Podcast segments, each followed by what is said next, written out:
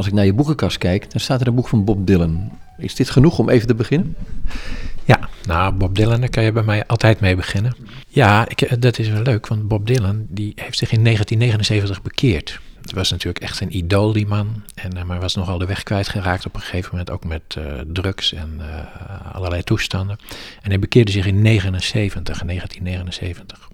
Dat was voor mij heel erg aardig, want ik heb me ook in 1979 bekeerd.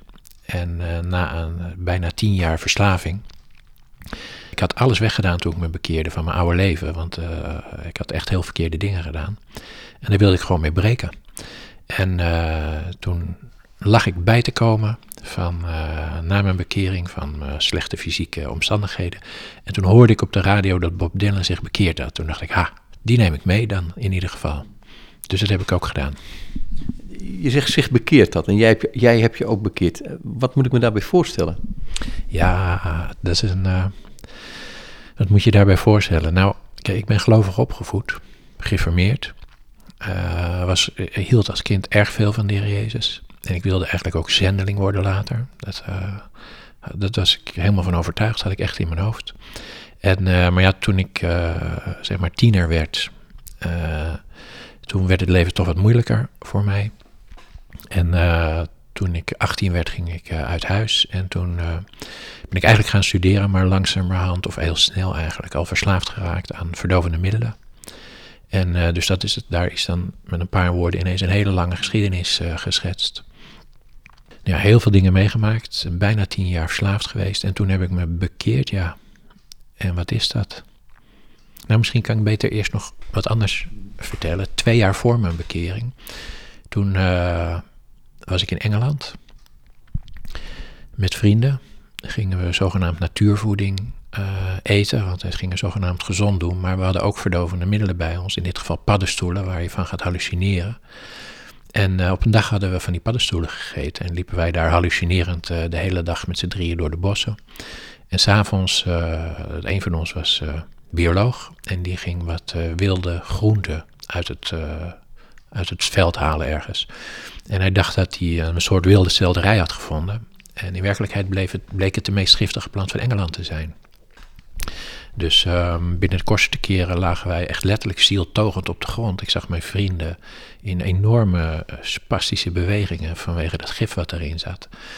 En uh, daarna weet ik eigenlijk niks meer. En uh, behalve dat ik anderhalve dag later wakker werd in het ziekenhuis. En de, totaal niet begreep wat er aan de hand was. En pas later, toen mijn herinnering aan alles weer een beetje terugkwam, begreep uh, nou ja, dat we dus echt een gif hadden gegeten, dood hadden moeten zijn volgens de kranten, maar het hadden overleefd. En toen uh, gebeurde er iets heel bijzonders, want we waren echt heel ver weg geweest. En, uh, maar na een paar dagen mocht ik weer naar buiten. Toen was ik in de tuin van het ziekenhuis. Ik hoorde de wind in de bomen. En zonder dat ik daar zelf naar zocht of over nadacht, wist ik ineens heel zeker dat God bestond. Dat is een, een ongewone ervaring. Maar je was toch al gereformeerd opgevoed? Ja, maar ja, ik had het allemaal weggegooid. En uh, uiteindelijk, kijk, later begreep ik dat het ook te maken heeft met, zeg maar, je wordt niet zomaar verslaafd, hè, dat er emotionele instabiliteit was, dingen in de thuissituatie, gevoelig jongetje. Uh, ik had daar veel van meegenomen. En, en dat geloof had ik, uh, nee, daar wilde ik echt niks van weten. Mijn moeder die had, die was zelf door een persoonlijke crisis heen tot een persoonlijk geloof gekomen. En die vertelde mij dus in mijn slechte tijd ook voortdurend over Jezus. Maar daar nee, wilde ik absoluut niks van weten. Zelfs niet als er dingen gebeurden die ik niet kon verklaren. Bijvoorbeeld op een dag wist zij, zij wist gewoon door in haar gebed, wist ze dat ik ook harddrugs was gaan gebruiken. En ik beweerde altijd dat ik alleen maar uh, gebruikte, en wat niet waar was. En toen had ze zo'n zorg over mij dat ze, uh, ik, ik had geen vaste woon- of verblijfplaats, zoals het heet. Ik uh, her en der in Amsterdam. En zij ging bidden en ze ging naar Amsterdam om haar zoon op te zoeken. Nou, dat kan niet. Want er lopen iedere dag 1 miljoen, anderhalf miljoen mensen in Amsterdam rond. Daar vind je je zoon niet. En ik liep daar rond met uh, een paar vrienden. En ik liep, ik geloof dat het op de Bloemgracht was. In ieder geval ergens in de Jordaan liep ik en daar zat mijn moeder op een bankje. En ik dacht dat ik hallucineerde. Dat kan helemaal niet, want mijn moeder was in Leiden. En, uh, maar zij had gebeden dat ze er zo mocht ontmoeten. En we hebben daar een paar minuten met elkaar gepraat. En aan de ene kant had ze natuurlijk enorm verdriet dat, er zo'n zo, uh, dat het zo slecht met mij ging. En aan de andere kant had ze verdubbelde dat haar vertrouwen in God, dat hij toch met mij bezig was. Want tussen die miljoen mensen daar had hij mij gewoon langs haar bankje heen gestuurd. Begrijp je nu op oudere leeftijd dat verdriet wat beter? Verschrikkelijk, ja. ja. Je hebt echt geen idee dan als uh, jongeling wat je je ouders aandoet. En, maar later heb ik dat wel begrepen. En gelukkig is dat, heb ik het met mijn ouders ook goed kunnen maken. Maar je zegt op een gegeven moment, gebeurde er iets waardoor je zeker wist, God is er. Ja, dat was toen in Engeland. En ik heb het nu nog steeds, het is al 30 jaar geleden, maar ik heb nog steeds als ik de wind in de bomen hoor ruisen, dat me dat herinnert aan dat moment dat ik zeker weet dat God er is. Maar ik was erg dom hoor, of je kan zeggen, die geestelijke strijd is heel zwaar, hè? dat kan je ook zeggen. Want ik, heb, ik kwam terug in Nederland na die gebeurtenissen. En ik heb nog twee jaar, ik greep gelijk weer naar de verdovende middelen. En ik heb nog twee jaar dus rondgetopt. Terwijl ik, nou ja, toch wel echt een waarschuwing had gekregen. Ik was echt, ik had dood moeten zijn volgens de kranten en volgens de dokters. En blijkbaar had God me bewaard. En, uh, maar ik ging toch nog twee jaar lang mijn eigen moeizame weg. Dus een ontmoeting of, of een zekerheid die je krijgt, eh, dat is nog steeds geen bekering. Je had je, niet, je had je niet door God laten vinden, laat ik het zo zeggen. Ja, ja, mooi gezegd. Je kan wel weten dat God bestaat. Maar je moet nog steeds zelf uh, door de knieën, zeg maar. En zeggen, nou, dan moet u ook maar de baas zijn in mijn leven. En daar was ik nog niet aan toe. Wat leidde daar naartoe? Ik zakte steeds verder af. En uh, ja, waar leidde dat toe? Kijk, als je dat rationeel bekijkt, dan kan je zeggen, ja, het, gaat, ging steeds slechter met me. En op een gegeven moment wist ik, uh, ik kreeg ook angsten, ik durfde mijn huis niet meer uit en ik gebruikte altijd. En op een gegeven moment wist ik, als dit zo doorgaat, dan ga ik het niet lang meer redden. Maar ik geloof dat het zelfs niet eens een rationele overweging was ik denk heel sterk dat dat, dat het toegewijde gebed van mijn moeder, die echt voor mij geworsteld heeft, dat dat daar een enorme rol in heeft gespeeld. Want op een gegeven moment had ik gewoon het gevoel van, dit kan niet meer. En toen heb ik mijn moeder opgebeld of, om mij te komen halen. En ik was toen al 28, zeg maar. 27, 28. Dus dat is niet direct de eerste keuze om dan je moeder erbij te roepen. En, uh, maar ik wist ergens dat ik zonder God niet verder kon. En toen heeft ze een auto gecharterd, zij is ze me komen halen en toen zei ze gelijk van ja, als ik je kom halen, dan weet je het, hè, dan ga ik voor je bidden. En ik had me altijd verzet tegen het evangelie. Echt, ik moest er helemaal niets van hebben. En, uh, maar ik was, ja, ik kan het niet eens goed uitleggen of verklaren, maar ik was murf door het leven, door de omstandigheden. En ik wist, ik wist niet wat het zou inhouden, maar ik wist dat ik niet zonder God verder kon. En toen heeft mijn moeder voor me gebeden. Gewoon een heel eenvoudig gebed. En weet je wat er gebeurde? Ik was vrij van die verslaving. En dat is echt ongelooflijk. Want uh, ik heb, nou, het is een heel verhaal natuurlijk, maar uiteindelijk ben ik zes weken bij haar gebleven om lichamelijk aan te sterken. Toen ben ik teruggegaan naar Amsterdam. Heb ik wat hashies gerookt, want dat had ik natuurlijk altijd liggen. Maar het werkte niet eens meer. Het werkte letterlijk niet. Ik heb het door de wc gespoeld en ik heb het nooit meer gebruikt. Daarna heb ik zelf een jaar onder verslaafden gewerkt, zeg maar, op het uh, Wallen in Amsterdam. En gezien hoe mensen soms moeten worstelen om daar vanaf te komen. En toen, dacht ik, toen, toen besefte ik wat een enorm cadeau ik van God had gekregen. Want ik was echt van het ene moment op het andere, was ik vrij van die verslaving. Het was gewoon weg. Maar was dat ook meteen het moment van je bekering? Ja. Toen heb ik dus ook gezegd van, ja, wat je net ook zei, van je kan wel weten dat God er is, maar ik heb gezegd, ik heb zelf gezegd van ik wil met u leven, ik wil niet zonder u leven. Ik kende het evangelie vanuit mijn jeugd, maar hoe het concreet was om als christen te leven, wist ik niet. Maar ik wist wel dat Jezus in mijn leven moest komen, want dat het anders niet goed zou gaan. En dat heb ik hem dus ook gevraagd. Dan ga je zo'n, zo'n hey, je, je blijft nog een tijd bij je moeder om aan te sterken. Dan moet je eigenlijk aan Jezus wennen, aan wie hij is. Uh, hoe ging dat? Hoe, hoe kreeg het gestalte in jouw leven? Ja, grappig. Nou, mijn moeder was een goed voorbeeld. En, uh, want je krijgt ook gelijk natuurlijk toch weer geestelijke strijd of een bepaalde geestelijke luiheid die toeslaat. Waar ik heel veel van geleerd heb was een Engelse prediker of zo, die was daar toen in de kerk waar mijn moeder kwam. En die leerde het belang van het lezen van de hele Bijbel. En dat ben ik toen ook gaan doen. Ik heb hem gewoon een aantal keren, ik geloof zeven keer, achter elkaar doorgelezen. Zodat je heel vertrouwd bent met al die verhalen en al die gebeurtenissen. En grappig, heel kenmerkend en daar heb ik erg veel van geleerd. Op een dag had ik gewoon dan niet zo'n zin om naar die samenkomst te gaan. Weet je wel, geestelijke luiheid. En mijn moeder zei niks, maar ze verdween. En een half uurtje later kwam ze weer tevoorschijn. En toen zei ze, terloops, ga je nog mee? En ik zei, ja hoor, ik ga mee.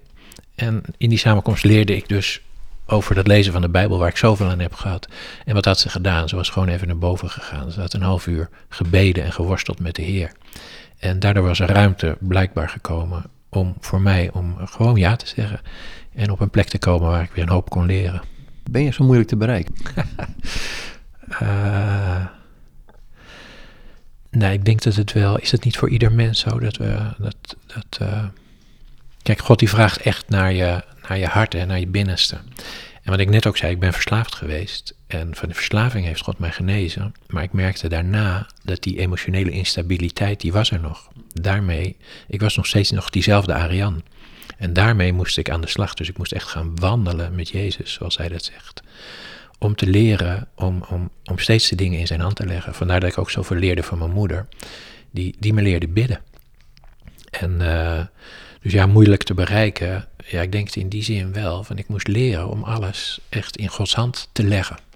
Maar hoe is zo'n proces? Je zegt ik moest leren wandelen. Ik kan me voorstellen dat je blaren liep in het begin. Maar um, hoe is dat om, om zo over en weer die persoonlijke relatie uit te bouwen en te gewennen? Want je hebt, het is bijna een tweede opvoeding die je krijgt. Ja, zo voelde het wel heel erg.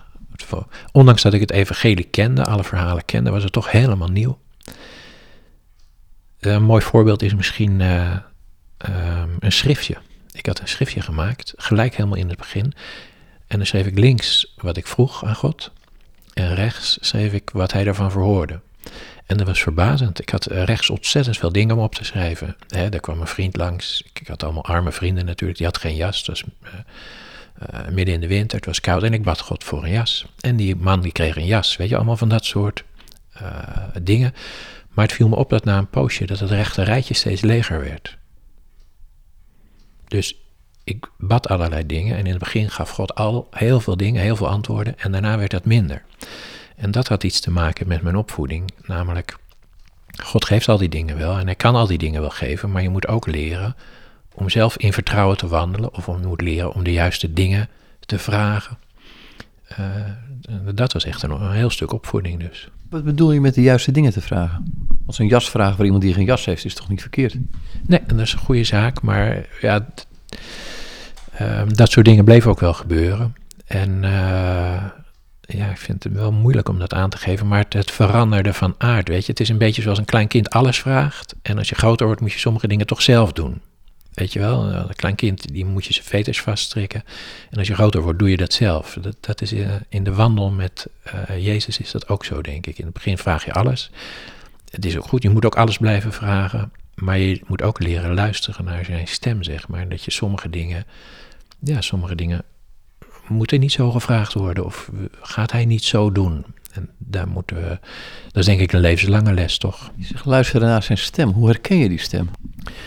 Ja, een heel enkele keer heel erg direct. Echt als, zo ongeveer echt als een stem die, uh, die spreekt. Maar heel vaak is het ook, uh, ja, daar moet je een bepaalde gevoeligheid voor ontwikkelen. Misschien is er een aardig voorbeeld wel van, ik, ik preek, ik geef bijbelstudie. Als ik nou moet preken op zondag, dan begin ik maandag met te bidden en na te denken.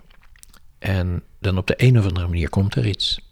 En soms komt dat uit, uit een lezenrooster en soms komt dat omdat je ergens mee bezig bent. Of het kan overal vandaan komen. Maar uh, ik heb geleerd dat ik uh, iedere keer opnieuw op het punt moet komen dat ik helemaal moet loslaten dat, dat God die preek geeft en dat het niet mijn verstand is, niet mijn kennis of mijn slimheden. Dus dat ik elke keer op het punt moet komen in mijn gebed dat ik zeg niet ik, maar u. En dan, uh, dan, dan weet ik op een gegeven moment waar het over gaat. En dat is iedere keer op een verschillende manier. Betekent dat ook in de stilte tijd met hem doorbrengen? Jawel, maar daar ben ik nooit zo'n held in geweest hoor. Ik heb altijd een heel druk leven gehad. Ik was uh, manager heel veel jaren. Heel, uh, nou ja, dan maak je hele lange dagen en je bent eigenlijk in het weekend en altijd bezig. En uh, dus echt stille tijd houden ben ik nooit zo'n held in geweest. Maar wat ik wel heel fijn vind, is, en ik geloof ook dat je daar ook niet altijd krampachtig over dat soort dingen moet doen. Ik denk dat iedereen daar zijn eigen vorm in moet vinden. Maar wat ik uh, heel graag doe, is dat ik een stukje loop en dan meditatief loop, zeg maar. Dan loop ik te danken en te bidden. En dat is hele rijke tijd is dat. Je had het net over Bob Dylan, die kwam in diezelfde tijd tot bekering, om het zo te zeggen. Ehm, toen dacht je, oké, dan hou ik zijn muziek maar. Ja, inderdaad, ja. En toen heeft hij eerst een paar van die echt uitgesproken christelijke uh, LP's gemaakt, LP's toen nog. En ja, prachtig, prachtige, sterke nummers. En daarna hield hij daarmee op, met van die hele uitgesproken christelijke muziek te maken. En dan kreeg je dus een discussie van, gelooft hij nog wel? Is hij van zijn geloof gevallen? Maar je ziet dat hij er gewoon voor gekozen heeft, die man, om zijn eigen ding te doen. Hij is muzikus. En in zijn leven is het geloof belangrijk. En dat zie je ook in allerlei dingen, in stukjes tekst. Maar hij is geen evangelist. Hij is een liedjeszanger. En dat is hij blijven doen.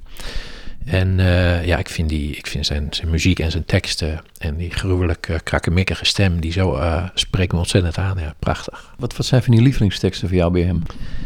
Nou, bijvoorbeeld Every Grain of Sand vind ik een prachtig nummer. Dat is uit zijn echt nadrukkelijk christelijke periode. Ja, eigenlijk nog steeds. Zijn laatste uh, CD vind ik ook nog heel mooi. Dan, zingt hij ook zo'n liedje. En het zijn soms van die aan, die aan elkaar geflanste teksten lijkt het wel. En toch geroepen het heel sterk allerlei beelden op. En dan zingt hij ergens tussendoor, zingt hij... Uh, Some sweet day I'll stand beside my king. En dat, dat zingt hij dan gewoon. Op een dag zal ik naast mijn koning staan. In een liedje wat, wat een collage is van allerlei gedachten en gevoelens en flarden. Het is uh, heel evocatief. Het roept allerlei stemmingen en sferen op. Dus ik vind het heel knap. Ben je nou zo'n overjarige hippie die daar nog steeds naartoe gaat naar die concerten? Uh, nou, overjarig hippie, dat laat ik helemaal voor jouw rekening. Maar ik, uh, als hij in Nederland is, dan mag ik graag nog een keertje gaan. Ja, maar inderdaad, dan zie je allemaal van die grijze en die kale kopjes. Dat is waar, ja.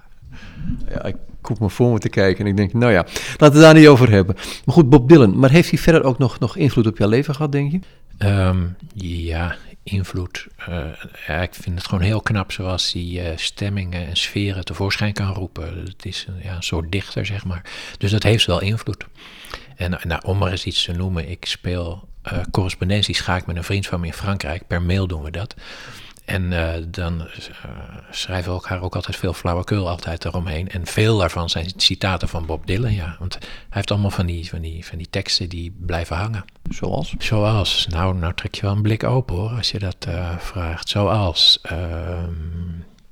zoals... ja, daar zou je even moeten knippen, denk ik. Ik, ik trek een blik open en er komt helemaal niets uit. ja, nou, dat is een mer à boire. Um, uh, nou, Tangled Up in Blue is bijvoorbeeld prachtig. Van, het oudere spul. Ik bedoel, ik, bedoel ik, ik, ik denk meteen een Desolation Row of Visions of Johanna. En zo kan ik er nog wel tegen opnoemen. Maar met die rake opmerkingen ertussendoor. Ergens van We Are Stranded in Time. Of um, het museum hè, waar Eternity uh, on Trial. Ik noem, ik noem er een gek, gekke voor, gek, paar gekke voorbeelden. Ja, Eternity Goes Up on Trial ja, in het museum. Ja, prachtig. En um, It's Alright Ma. Darkness at the break of noon, shadows even the silver spoon, the handmade blade, the child balloon, eclipses both the sun and moon. Nou ja, enzovoort. Maar heb je dan ook enig Het, zijn, zijn gewoon, het roept stemmingen op, maar je hebt geen idee wat hij zegt. Ik bedoel, ja, je kunt het wel vertalen natuurlijk, je weet het Engels wel, maar uh, het is vaak toch ook om een beetje zijn beelden natuurlijk. Hè? Ja, het zijn echt beelden. Hij, hij, hij maakt collages met beelden eigenlijk, dat, dat doet hij. En, maar ja dat, ja, dat vind ik mooi.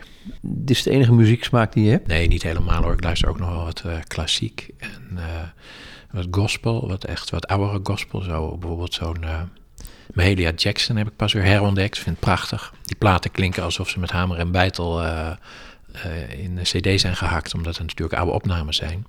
Maar wat een power zit erin. Ja, prachtig. Hoe is het daarna met je verder gegaan? Hè? Je zegt, want eigenlijk, ik kwam je ik kwam je tegen naar aanleiding van een boekje wat je geschreven hebt, uh, Voorgangers. En toen zaten we even te praten en dacht ik, vrek, ik heb je naam eerder gezien. Maar dat was in relatie met havenzending. Je bezocht schepen. Dat heb ik ook uh, heel veel jaren gedaan. Ja, ook vanwege zeg maar, de nood die er is. Die schepen die komen ons havens binnen. En er komen mensen van over de hele wereld. Mensen die vaak in zware omstandigheden moeten werken. Uh, heel slecht betaald krijgen. Eh, hier ook in bijvoorbeeld uit een warm klimaat komen en het hier koud hebben. Dus wat, wat doen wij dan met het havenlicht? We proberen zoveel mogelijk schepen te bezoeken.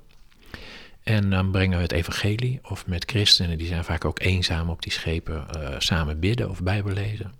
We delen warme truien uit, dat soort dingen, sokken, sjaals, uh, mutsen, zodat de mensen zich een beetje tegen de kou kunnen kleden. En eh, dat heb ik heel veel jaren gedaan, ja. Waarom ben je dit eigenlijk gaan doen? Vanwege de betrokkenheid uh, met die mensen. Ja, ik kwam ermee in aanraking via Thea van, van Zuilenkom. Die is hier lang geleden mee begonnen. En heeft een groepje mensen om zich heen verzameld die dat is gaan doen. En ja, dit is ook een heel enthousiasmerende man. En ik kon dat zo levendig vertellen. En toen ben ik een keer meegegaan. Toen was ik gelijk erdoor gegrepen. Je komt op zo'n schip. Het is een bijzondere omgeving. En je ziet dat die mensen hard moeten werken. En vaak ook bijvoorbeeld het evangelie niet kennen. En jij woont hier in een rijk land. Die mensen komen vlakbij je. Die havens die zijn Amsterdam, Zaandam, die zijn vlakbij je. En uh, nou, dus daar kan je iets doen voor de hand zal liggen dat je zegt: Oké, je bent verslaafde geweest, tien jaar verslaving achter de rug. Dat je op een gegeven moment denkt: Ik ga onder verslaafde werken. Ja, heb ik ook een jaartje gedaan. Want ja, ik was natuurlijk werkeloos en ik was tien jaar uit de maatschappij geweest. En uh, dus ik heb bij de Stichting Jezuskinderen, die toen in de Warmoestraat een koffiehuis had en een opvangcentrum in het noorden van het land, heb ik een jaartje meegedraaid. En uh, echt letterlijk op de wallen heftige tijd was dat, want dat was een behoorlijk heftige groep, toch? Ja, dat was een heftige tijd. Ja, ik kwam daar net in die tijd. Het was een uh, groep met gewoon, ja, het waren bekeerde hippies, zeg maar. En daar was heel veel goeds aan. Maar, zoals dat wel eens vaker gebeurt, gebeurde ook op een gegeven moment, waren er mensen in die groepering die toch wat op drift raakten. En dus dat is uiteindelijk niet zo geweldig afgelopen. Zeg je daarmee ook, hè? En ik ga even naar je boekje toe, Voorgangers. Dat is een boekje waarin je een aantal uh, mensen hebt geportretteerd die uh, Jezus gevolgd hebben door de eeuwen, hebben door de eeuwen heen. Hè? Augustinus, Antonius, Thomas de Kempis, noem maar op. Um, zeg je er ook eigenlijk bezig dat dit zo'n groep was die helemaal op zichzelf stond en daardoor geen niemand gehoorzaamheid of niemand verantwoordelijk verschuldigd was? Nou, daar zeg je wel wat. Het was een groep die dus vanuit het niets tot bekering gekomen was, zoals ik zelf ook. En, uh, maar als je dan niet een goede geestelijke basis hebt, een goede geestelijke inbedding, geestelijk houvast, dan kan je inderdaad, als je alles zelf moet uitvinden, als het ware, op het terrein van het evangelie, dan is daar Gods geest wel die je leidt, maar dan is er ook heel veel aanvechting, veel dingen. Je kan je vergissen. Een mens kan zich vergissen. En inderdaad, daarvoor is dat boekje ook zo belangrijk voor mij. En hoop ik dat mensen daar ook wat aan hebben, omdat je op die fundamenten die in de loop van de eeuwen gelegd zijn, daar kan je op bouwen. Mensen die, die dingen geleerd hebben over bidden, over het volgen van Jezus, over nou, al dat soort praktische, concrete dingen. Ja, daar kan je enorm je voordeel mee doen. Misschien ook zo'n figuur in die tijd. Hè? Want uh, ik ga nu een beetje fantaseren, denk ik. Maar uh, je was, was tien jaar uit de maatschappij geweest. Of tenminste, je was drugsverslaafd. Um, dan kom je tot de bekering en dan moet je eigenlijk weer gaan functioneren in die maatschappij. Wat eigenlijk ook die maatschappij is waar je niet in wil functioneren. Ja, want ik was ook nog anti-autoritair en al dat soort dingen natuurlijk. Ik was natuurlijk tegen het gezag en tegen de macht. En uiteraard toen ik ging studeren, ik heb eventjes gestudeerd, dus was mijn eerste studiedaad was het bezetten van uh, het universiteitsgebouw natuurlijk. Want dat hoorde in die tijd, want je was nou helemaal overal tegen. En uh, ik vind het nog steeds, ook als christen hoor, heel gezond om uh, kritisch naar dingen te kijken. Net als die mensen in het boekje die ik beschreven heb in voorgangers. Je kan wel kritiekloos aannemen dat het alleen maar heel geweldige mensen zijn. En het zijn ook geweldige mensen, mensen die geweldige dingen gedaan hebben. Maar het zijn ook mensen die hun domheden hebben, zoals jij en ik, ik uh, om het zo maar te zeggen. Dus we mogen best een beetje kritisch zijn, maar liefst wel op de basis van de Bijbel en op basis van de kerk zoals die uh, door de eeuwen heen gefunctioneerd heeft. Anti-autoritair, uh, houdt het dan ook in dat je op een gegeven moment merkt dat die autonomie die je zelf hebt, die zelfbeschikking, uh, speelt het ook een rol in je christen zijn? Dat het gehoorzamen aan God daar toch, uh, ja, toch een extra inspanning kost? Nee, nee, dat is grappig genoeg niet. Ik had als middelbare scholier, ik zat op het gymnasium en dan doe je graag een beetje interessant met vreemde talen, tenminste ik wel. Toen had ik een lijfspreuk en dat was Ute gar argein, ute argestai etelo. Dat is Grieks en dat betekent ik wil niet regeren en ik wil niet geregeerd worden. Dat is een oude Griekse uitspraak en dat meende ik ook echt. Maar dat bestaat niet in het leven. Want er is altijd, dingen moeten georganiseerd worden, mensen moeten ergens leiding aan geven, dat is niet anders. Ik vind het grappige dat ik uh, zelfs met mijn anti-autoritaire houding gewoon zo ontzettend veel van God hou, zoveel van Jezus hou, dat het helemaal geen kwestie is van me niet willen onderwerpen of wat dan ook. Ik hoor bij hem en ik ben van hem en het is super. Maar leidt het ook tot gehoorzaamheid in de praktijk van alle dag? Um, ik weet niet of ik daar, daar meer last heb om Jezus te volgen dan de gemiddelde christen. Ik denk dat we allemaal daar onze worsteling toch hebben. En, maar voor mijn eigen gevoel niet. Ik, het is een kwestie van liefde namelijk geworden. En niet van, van een soort blinde onderwerping aan een, aan een onzichtbare of een blinde God als het ware. maar het is een kwestie van liefde. Dat is, dat is toch wel heel erg duidelijk. Als je terug gaat even naar de 60 jaren, 70 jaren misschien ook, dat, dat geen respect hebben voor gezag, dat zit er ook vaak bij. Ehm, democratie tegenwoordig, toen ook al. Ehm, is het nou zo dat wij een maatschappij van herders of een maatschappij van schapen zijn geworden? En dat we allemaal van die gelijke grijze figuren zijn geworden? Nou, je ziet in de maatschappij wel heel veel pluriformiteit, zeg maar. Enorme veelvuldige, veelvormigheid. Maar misschien kan je voor de kerk wel zeggen dat we soms een beetje een neiging hebben om uh, te veel onderscheid tussen schapen en herders te maken. Um, ja, misschien heb ik vanuit mijn verleden ben ik wat meer geneigd om dat zo te zien, maar ik zie in de Bijbel, ik zie in het Evangelie dat we allemaal tot herders gesteld zijn, dat we voor elkaar moeten zorgen. En dat is maar net hoe het uitkomt. Dat hoef je niet van één of twee mensen te laten afhangen, maar we moeten gewoon voor elkaar zorgen. Dus als uh, mijn buurman, of laat ik zeggen mijn broeder of mijn zuster, in de kerk een probleem heeft, hoef ik niet te wachten tot de dominee het oplost. Maar natuurlijk met alle voorzichtigheid en alle respect, maar ik ben ook verantwoordelijk. Je hebt op een gegeven moment heb je last van je lichaam gekregen. En uh, nog een flink ook. Dus uh, ik kan niet meer werken helaas. Ik moet veel rusten. En, uh, maar er komen soms ook goede dingen uit voort. Opmerkelijk genoeg. Want soms dan lig ik zo in mijn hangmat omdat ik veel moet rusten. in de zomer dan. Dan lig ik in mijn hangmat buiten. En dan uh, lig ik daar en dan bid ik. En soms ervaar je dan iets van, van Gods lieflijkheid daarin. Ik heb ontzettend veel de gelegenheid om te lezen met al dat liggen. Dat is ook een rijkdom, vind ik. Al die mooie dingen. Dus, en, um, maar en dat was, een, dat was een worsteling, ja. Maar je bent terechtgekomen, en ja, dat is door het boekje natuurlijk dat ik het weet, maar als je boekenkast bekijkt, dan staat er van alles en nog wat door elkaar. Maar ook, ook de, de, de schrijvers waarvan je denkt van, oei, zijn die wat te lezen? En Augustine zag ik daar staan, maar ook een Chesterton. Ja, die kan je volgens mij nog heel goed lezen. En uh, je moet altijd je realiseren, als je een boek van wat langer geleden leest, dat het een andere cultuur is, andere tijd, andere manier van zeggen. Dus zo'n man als Chesterton bijvoorbeeld, ook Orthodoxie van Chesterton, is een prachtig boek over de basis van het geloof. Je moet even wennen aan de stijl, want het is een stijl van uit 1930, zeg maar ongeveer. Dus lange zinnen, en, uh, maar nog heel goed te lezen. Ja. Hoe ben je eigenlijk op dat spoor gekomen? Want het is, het is een interesse die de laatste jaren pas echt bij jou is gaan ontwikkelen. Ja, ik heb altijd wel heel veel gelezen, maar op een gegeven moment kreeg ik genoeg van fictie, zeg maar romans en zo, lees ik bijna niet meer, want ik wil graag dingen weten. En uh, dus ja, je, ja, hoe kom je bij dingen? Je, je hoort iets van iemand, je leest een boekbespreking, vind ik ook altijd belangrijk. Dan zie je soms mooie dingen. En ja, snuffelen op internet, in antiquarische boekhandels. En uh, ja, gewoon wat snuffelen. Koop je wel eens een boek tegen een nieuwe prijs? dat gebeurt wel eens, maar niet zo heel vaak. En uh, er zijn ontzettend veel boeken ook op internet uh, te koop. Die uh, echt alle soorten boeken, ook, ook geloofszaken, theologie. je kan het zo gek niet bedenken, het is er allemaal. En dat is dan misschien toch ook een Hollandse zuinigheid of uh, koopmanschap, dan wil ik toch voor een paar euro wel weer op de eerste rij zitten. Mooi iets me voorstellen, maar goed. Uh, als je van boeken houdt. Um, je zegt, um, ik heb dus meer tijd om, om na te denken. Je moet vaak rusten, om te bidden. Um, hoe, hoe is die relatie met Jezus van jou? Hoe heeft hij zich ontwikkeld door die tijd heen? Je hebt die tijd van het afkicken gehad, of tenminste dat, dat lichaam moest, moest zich wennen weer aan, aan normale voeding, denk ik, normaal ritme. Uh, een soort heropvoeding heb je doorgemaakt.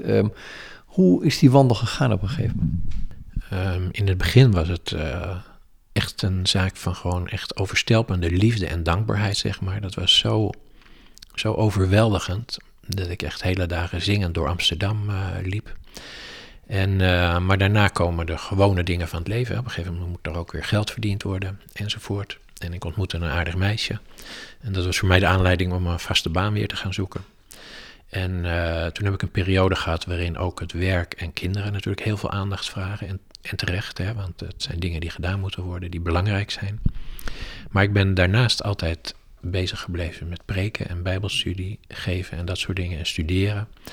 En met pastorale dingen, zoals we dat noemen. En gewoon, hè, zoals we ons als mensen met elkaar, uh, om elkaar bekommeren. En um, ja, mijn eigen wandel daarin met uh, Jezus is, uh, ach, ik denk net als bij iedereen, dat, zijn, dat heeft zijn ups en zijn downs, maar het verdiept zich wel. Nou, ook, ook nog, hé, wat je met gereformeerd opgevoed. Ehm, is er nou een andere manier van bijbellezen gekomen of een andere manier van kijken naar de Bijbel? Nou, het grote voordeel van die gereformeerde opvoeding is die enorme kennis die ik uh, heb. En dan heb ik na mijn bekering nog de Bijbel nog een paar keer gelezen, maar dat riep het gewoon weer terug. En uh, manier van lezen is voor een deel misschien anders. Ik vind het iedere keer verwonderlijk dat als ik die Bijbel open doe, die al zo vaak gelezen hebt, dat er elke keer weer nieuwe dingen uitkomen. Als je rustig leest, als je dat biddend leest, als je erover nadenkt, mee rondloopt, dat er elke keer weer nieuwe dingen uitkomen. En dat is natuurlijk de rijkdom van dat boek, zoals God dat heeft laten opschrijven. Wat was er de laatste tijd nieuw? De laatste tijd zie ik, ben ik weer erg bezig met de gelijkenissen van Jezus.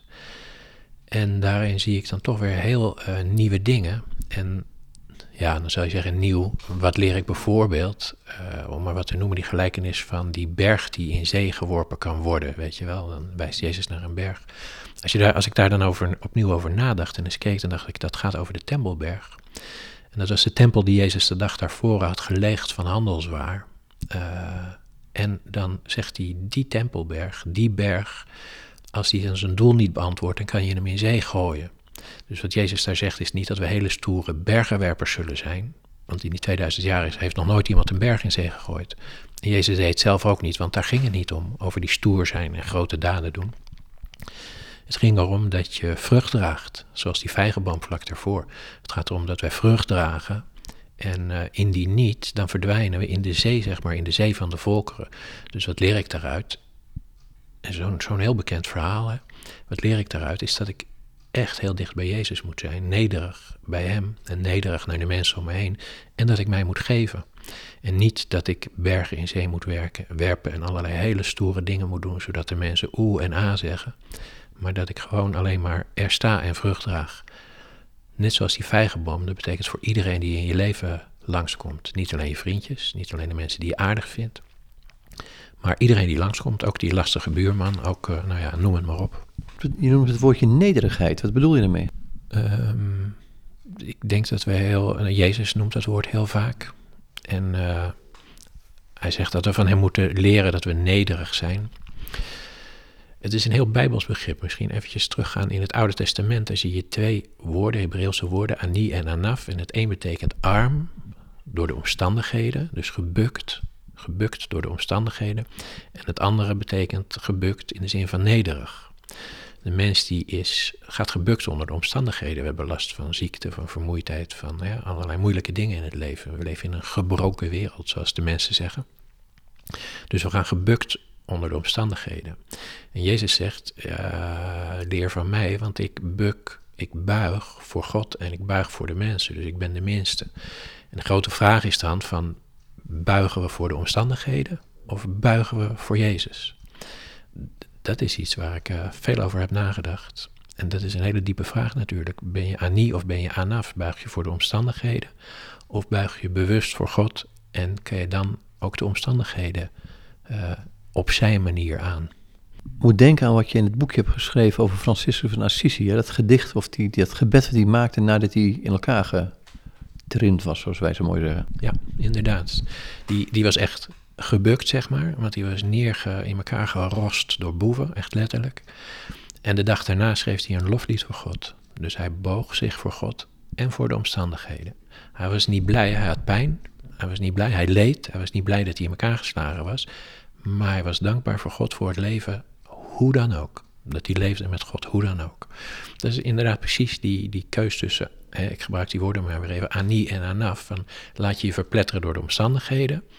Of buig je vrijwillig voor God en komen de omstandigheden dan in een ander licht te staan? Hoe herken je dat, hè? Die, die omstandigheden waar je niet voor buigen moet en um, wel het buigen voor God? Want, want kun je daar misschien een praktisch voorbeeld bij geven? Um, ja, ik weet niet of je het een praktisch voorbeeld noemt, maar wat ik zelf heb meegemaakt uh, toen ik in die hangmat lag een keer. Mijn linkerarm en mijn linkerbeen zijn heel slecht. En in die tijd waren mijn rechterarm en mijn rechterbeen nog redelijk. En toen was ik aan het bidden en toen stelde ik mij uh, de Heer Jezus voor alsof hij aan mijn rechterkant was. En toen ineens, ja, toen was hij daar, als het, ik kan niet anders zeggen, maar hij was links van me en zei: Ben ik dan ook niet links van je? Daar heb ik uh, erg over nagedacht. Ik dacht, waarom stel ik mij Jezus voor aan mijn rechterkant? Aan de kant waar ik goed ben, waar ik sterk ben, waar ik nog wat kan. Dat is omdat wij zo zijn. We willen ons altijd van onze goede kant laten zien, letterlijk. Dat doen we naar mensen, dat doen we naar God ook. Van kijk eens, ik heb het hier wel in orde, ik kan wel bij u terecht. Maar hij staat net zo goed aan mijn slechte kant, mijn linkerkant, waar ik mijn arm en mijn been niet goed uh, kan gebruiken. En hij, liet me, hij leerde mij daardoor van, ja Arian, gewoon zoals je bent. Er zijn een aantal dingen die niet goed meer werken. Nou, God weet ervan. En uh, ik hoef mij niet naar hem niet en ook niet naar jou toe en naar niemand niet beter voor te doen dan ik ben. En dan heb je het over nederig, hè, over... Ik wil bepaald niet zeggen dat ik daar al zo'n held in ben, maar dat is in ieder geval wat God je dan probeert te leren. Ik kan me voorstellen dat als er dingen gebeuren, dat je je door de omstandigheden behoorlijk kunt laten opnaaien voordat je tot het besef komt, hé, hey, ik kan me beter op God richten. Ja, absoluut. Bijvoorbeeld toen ik arbeidsongeschikt werd. Ik heb, nog, ik heb al heel lang last van lichamelijke dingen en ik heb nog heel lang kunnen werken doordat er dan op mijn werk een bed was dat ik tussendoor even kon liggen. Maar op een gegeven moment ging het echt niet meer, absoluut niet. En uh, dat, dat je moet toegeven dat je lichaam je niet meer dient, niet meer doet wat je wil, dat je dingen, hele gewone dingen niet meer kan. En dat je dan ook nog je werk kwijtraakt, wat voor mensen ook heel belangrijk is, is een stuk van je identiteit. Daar ben ik anderhalf jaar gewoon erg neerslachtig van geweest. Dat is een hele zware periode. En uh, uh, zelfs terwijl in die tijd God zo lief was om me nog te laten merken op manieren dat hij erbij was, zeg maar. En dat het allemaal, uh, dat ik door die narigheid heen zou komen. Niet dat ik nog zou kunnen werken, want dat kan niet meer. Maar in ieder geval dat de, de narigheid, de, de, de, hoe noem dat, dat ik het niet aankon dat dat over zou gaan. Uh, dan nog moet je zo'n proces door. Dat heeft voor mij anderhalf jaar geduurd. En er gebeurt nog wel eens. Hè. Als ik iemand zie rennen, dan wil ik nog wel eens jaloers zijn. Dat, zo werkt het wel. Het is dus op, op, het moment suprem, wanneer er wat gebeurt en die omstandigheden zijn beroerd, um, dan moet je doorheen en moet je op God kunnen richten. En feitelijk, en dat zie je bijvoorbeeld ook in, de, in het boekje Voorgangers waar je het net over had, maar je ziet het gewoon ook in je eigen leven. Je ziet dat als het dan echt erop aankomt, dan kan je ook in die moeilijkheden God zien. Ik heb zelfs in, ik heb een poosje gehad dat ik helemaal niet meer kon lopen. En toen heb ik ook een moment gehad dat ik ineens, als, als in een flits, uh, drong het tot me door dat zelfs die omstandigheden, dat het, ja, ik kan het niet eens goed zeggen, maar dat ik enorme reden voor dankbaarheid had. Ik was zo ontzettend dankbaar. Niet alleen uh, niet dat het in mijn leven was, maar dat mijn leven zo was met dat erin en dat, ik, dat God er was, daarin en daarbij. Ik, ik, ik weet dat ik het niet helemaal goed kan uitleggen, maar een, uh, een alles doordringende uh, dankbaarheid. Hoe, hoe, kijk jij naar God? Um, dat is een hele grote vraag. Ja, hij is een, hij is een vader, zeg maar. Hij is... Hij heeft alles gemaakt. Hij is onbegrijpelijk groot en je zal nooit. Voor mij, er zijn, je kan eindeloos vragen blijven stellen en er is altijd een eind aan het stellen van vragen. Je kan niet alles begrijpen. En, uh, maar ik vind het ontzettend liefdevol van God dat hij mij stukjes begrip geeft en stukjes liefde voor mijn plek in het leven, voor mijn sits im leven, hoe ik, uh, voor waar ik mee zit. En hij is zo ontzettend groot dat ik het in de verste verte niet kan begrijpen en toch is hij dichtbij gekomen ja, zoals we zeggen, hij heeft in Jezus een gezicht gekregen. En Jezus kan ik een beetje begrijpen. En uh, dat voelt wel tamelijk dichtbij. Ja. Dat voelt heel erg dichtbij. Zullen we nog een stukje het boek lezen of een stukje van Bob Dylan laten horen? Uh, nou, een stukje uit het boek. boek is misschien wel leuk, maar dan moet ik even zoeken. Ja. Nou, als het gaat om uh, nederigheid, om, om, zeg maar, om bewust dus te te buigen voor elkaar of voor de ander, dan heeft Bonhoeffer een prachtig stukje geschreven. Dat staat in zijn boek Leven met elkander, Leven met elkaar. En dat heb ik dus opgenomen in mijn boekje Voorgangers. En daar staat dan, uh, dan haakt hij aan bij de tekst van Paulus, draag elkaars lasten. Zo leeft u de wet van Christus na. En dan schrijft hij iets opmerkelijks. Dan schrijft hij, de broeder is voor de christen, en juist voor de christen, een last. De heiden heeft van de ander niet zoveel last. Elke hinder van de ander gaat hij uit de weg. Maar de christen moet de last van de broeder verdragen. Alleen als last is de ander werkelijk zijn broeder en geen object waarover hij heerst. De last van de mensen is voor God zelfs zo zwaar geweest dat hij onder deze last aan het kruis moest worden geslagen. God heeft in het lichaam van Jezus Christus werkelijk aan de mensen geleden maar juist zo heeft hij ze gedragen en verdragen als een moeder haar kind, als een herder het verloren schaap. Het is de wet van Christus die aan het kruis in vervulling ging. Aan deze wet krijgen de christenen deel. Om te beginnen is het de vrijheid van de ander die voor de christenen last is. Die gaat in tegen zijn neiging om zichzelf als norm te stellen. En toch moet hij die vrijheid respecteren. Tot de vrijheid van de ander behoort alles wat wij verstaan onder structuur van de persoonlijkheid, karakter, individuele eigenschappen, bijzondere aanleg, zwakheden en eigenaardige trekken die ons geduld zo op de proef stellen. Dat hoort er allemaal bij. En ook alles wat de talrijke wrijvingen, tegenstellingen en botsingen tussen mij en de ander veroorzaakt. De last van de ander dragen betekent hier de werkelijkheid van de ander verdragen, er positief op reageren en, eraan leidend, er toch vreugde in leren scheppen. Heftig. Ja, pittig hè? Dat is wel iets om over na te denken. Ja, die teksten in het boekje zijn niet allemaal heel makkelijk. Uh, maar dat is ook goed, toch? We mogen nadenken over de dingen en het op ons laten inwerken. Ik vond het heel scherp. Uh, het is ook weer even de taal van 60 jaar geleden natuurlijk, dat hoor je er ook in. Maar het is uh, ook een hele scherpe analyse. Het is juist, we zullen elkaar verdragen. En nou, ik ben ook niet altijd zo'n makkelijk mannetje, denk ik. En die ander zit daarmee opgescheept. En hij kan, je kan niet voor elkaar weglopen, want je bent broeders. Maar je mag elkaar ook niet manipuleren. Precies. En dat is wat we gauw doen, hè? want dat, is, dat schrijft hij ook. Want de ander, dat is een hele diepe neiging sinds de zondeval, dat de ander een object van macht geworden is. Sinds de zondeval willen wij macht over elkaar uitoefenen. Je kan wel zeggen dat het niet zo is, maar dat zit gewoon heel diep in ons allemaal. En dat is een uh, neiging die we met kracht in onszelf, in onszelf moeten bestrijden.